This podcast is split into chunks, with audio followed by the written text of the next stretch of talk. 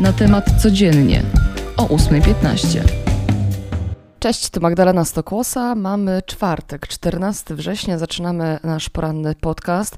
E, zaczynamy od polityki. Jarosław Kaczyński odchodzi z rządu. Jak informuje Polska Agencja Prasowa, prezes Prawa i Sprawiedliwości miał ogłosić tę decyzję podczas wczorajszego zebrania klubu parlamentarnego, a rezygnację ze stanowiska wicepremiera do spraw bezpieczeństwa ma złożyć na początku przyszłego roku.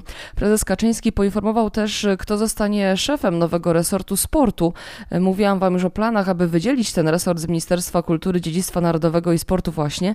Ministrem będzie Kamil Bortniczuk z Partii Republikańskiej, zaś jego zastępcą poseł niezrzeszony, ale raczej przychylny PiSowi Łukasz Mejza.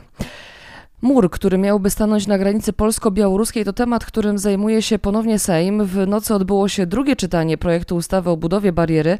Posłowie skierowali go do dalszych prac w komisji. Największe zastrzeżenia i pytania opozycji budzi koszt, bo budowa ma pochłonąć aż 1,5 miliarda złotych. Dziś przypada Dzień Edukacji Narodowej, święto nauczycieli, pedagogów i wychowawców. Oczywiście zaplanowane zostały ogólnopolskie obchody święta. Dziś też w Pałacu Prezydenckim ma zostać powołana Rada do Spraw Młodzieży. Ma doradzać i współtworzyć projekty prezydenckich inicjatyw legislacyjnych. W jej skład wejdą przedstawiciele organizacji studenckich i klimatycznych oraz rad młodzieżowych. Więcej o tym przeczytacie Więcej o tym przeczytacie w materiale Wiolety Wasylów, która rozmawiała z przewodniczącym Rady Dzieci i Młodzieży RP przy Ministerstwie Edukacji i Nauki Jakubem Lewandowskim. Wracamy do sportu. Hubert Hurkacz w pięknym stylu awansował do ćwierćfinału amerykańskiego Indian Wells. Polak pokonał Rosjanina Asłana Karacewa 6-1-6-3 i to był bardzo, powiedziałabym, spokojny mecz dla naszego zawodnika, który kontrolował go od pierwszej piłki. Mamy nadzieję, że będzie tak też w meczu ćwierćfinałowym. Ten już dziś o 20. O półfinał Hurkacz powalczy z Grigorem Dimitrowem. Bułgar awans zapewnił sobie wygrywając dość, powiedziałabym, niespodziewanie z wiceliderem światowego rankingu Rosjaninem Rosjaninem Daniłem Miedwiediewem. Zmieniamy temat. Strajki nie tylko w naszym kraju. W prasie pojawiła się informacja, że w Hollywood strajkować zamierza branża filmowa.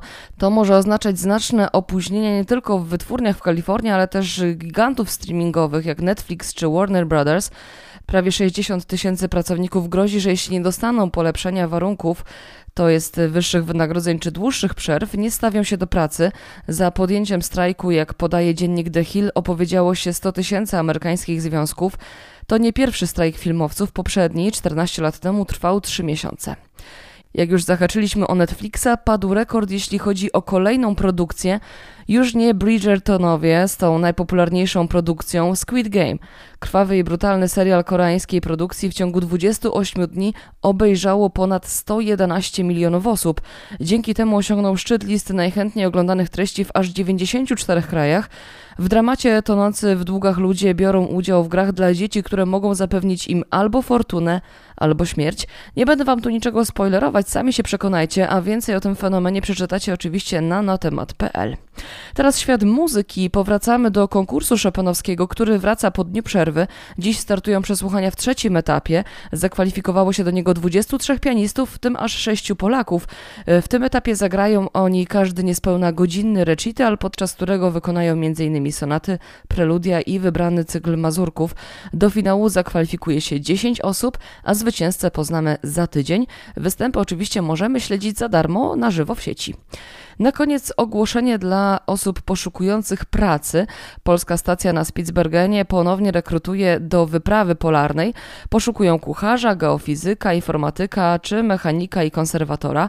Oprócz doświadczenia zawodowego dobrze e, będzie widziana znajomość języka angielskiego, ale też ukończone kursy medyczne czy posiadanie patentów motorowodnych. Rekrutacja potrwa do 22 listopada, a wyjazd będzie w czerwcu przyszłego roku. Tyle ode mnie dzisiaj. Magdalena Stokłosa. Dzięki. Do usłyszenia jutro. Cześć.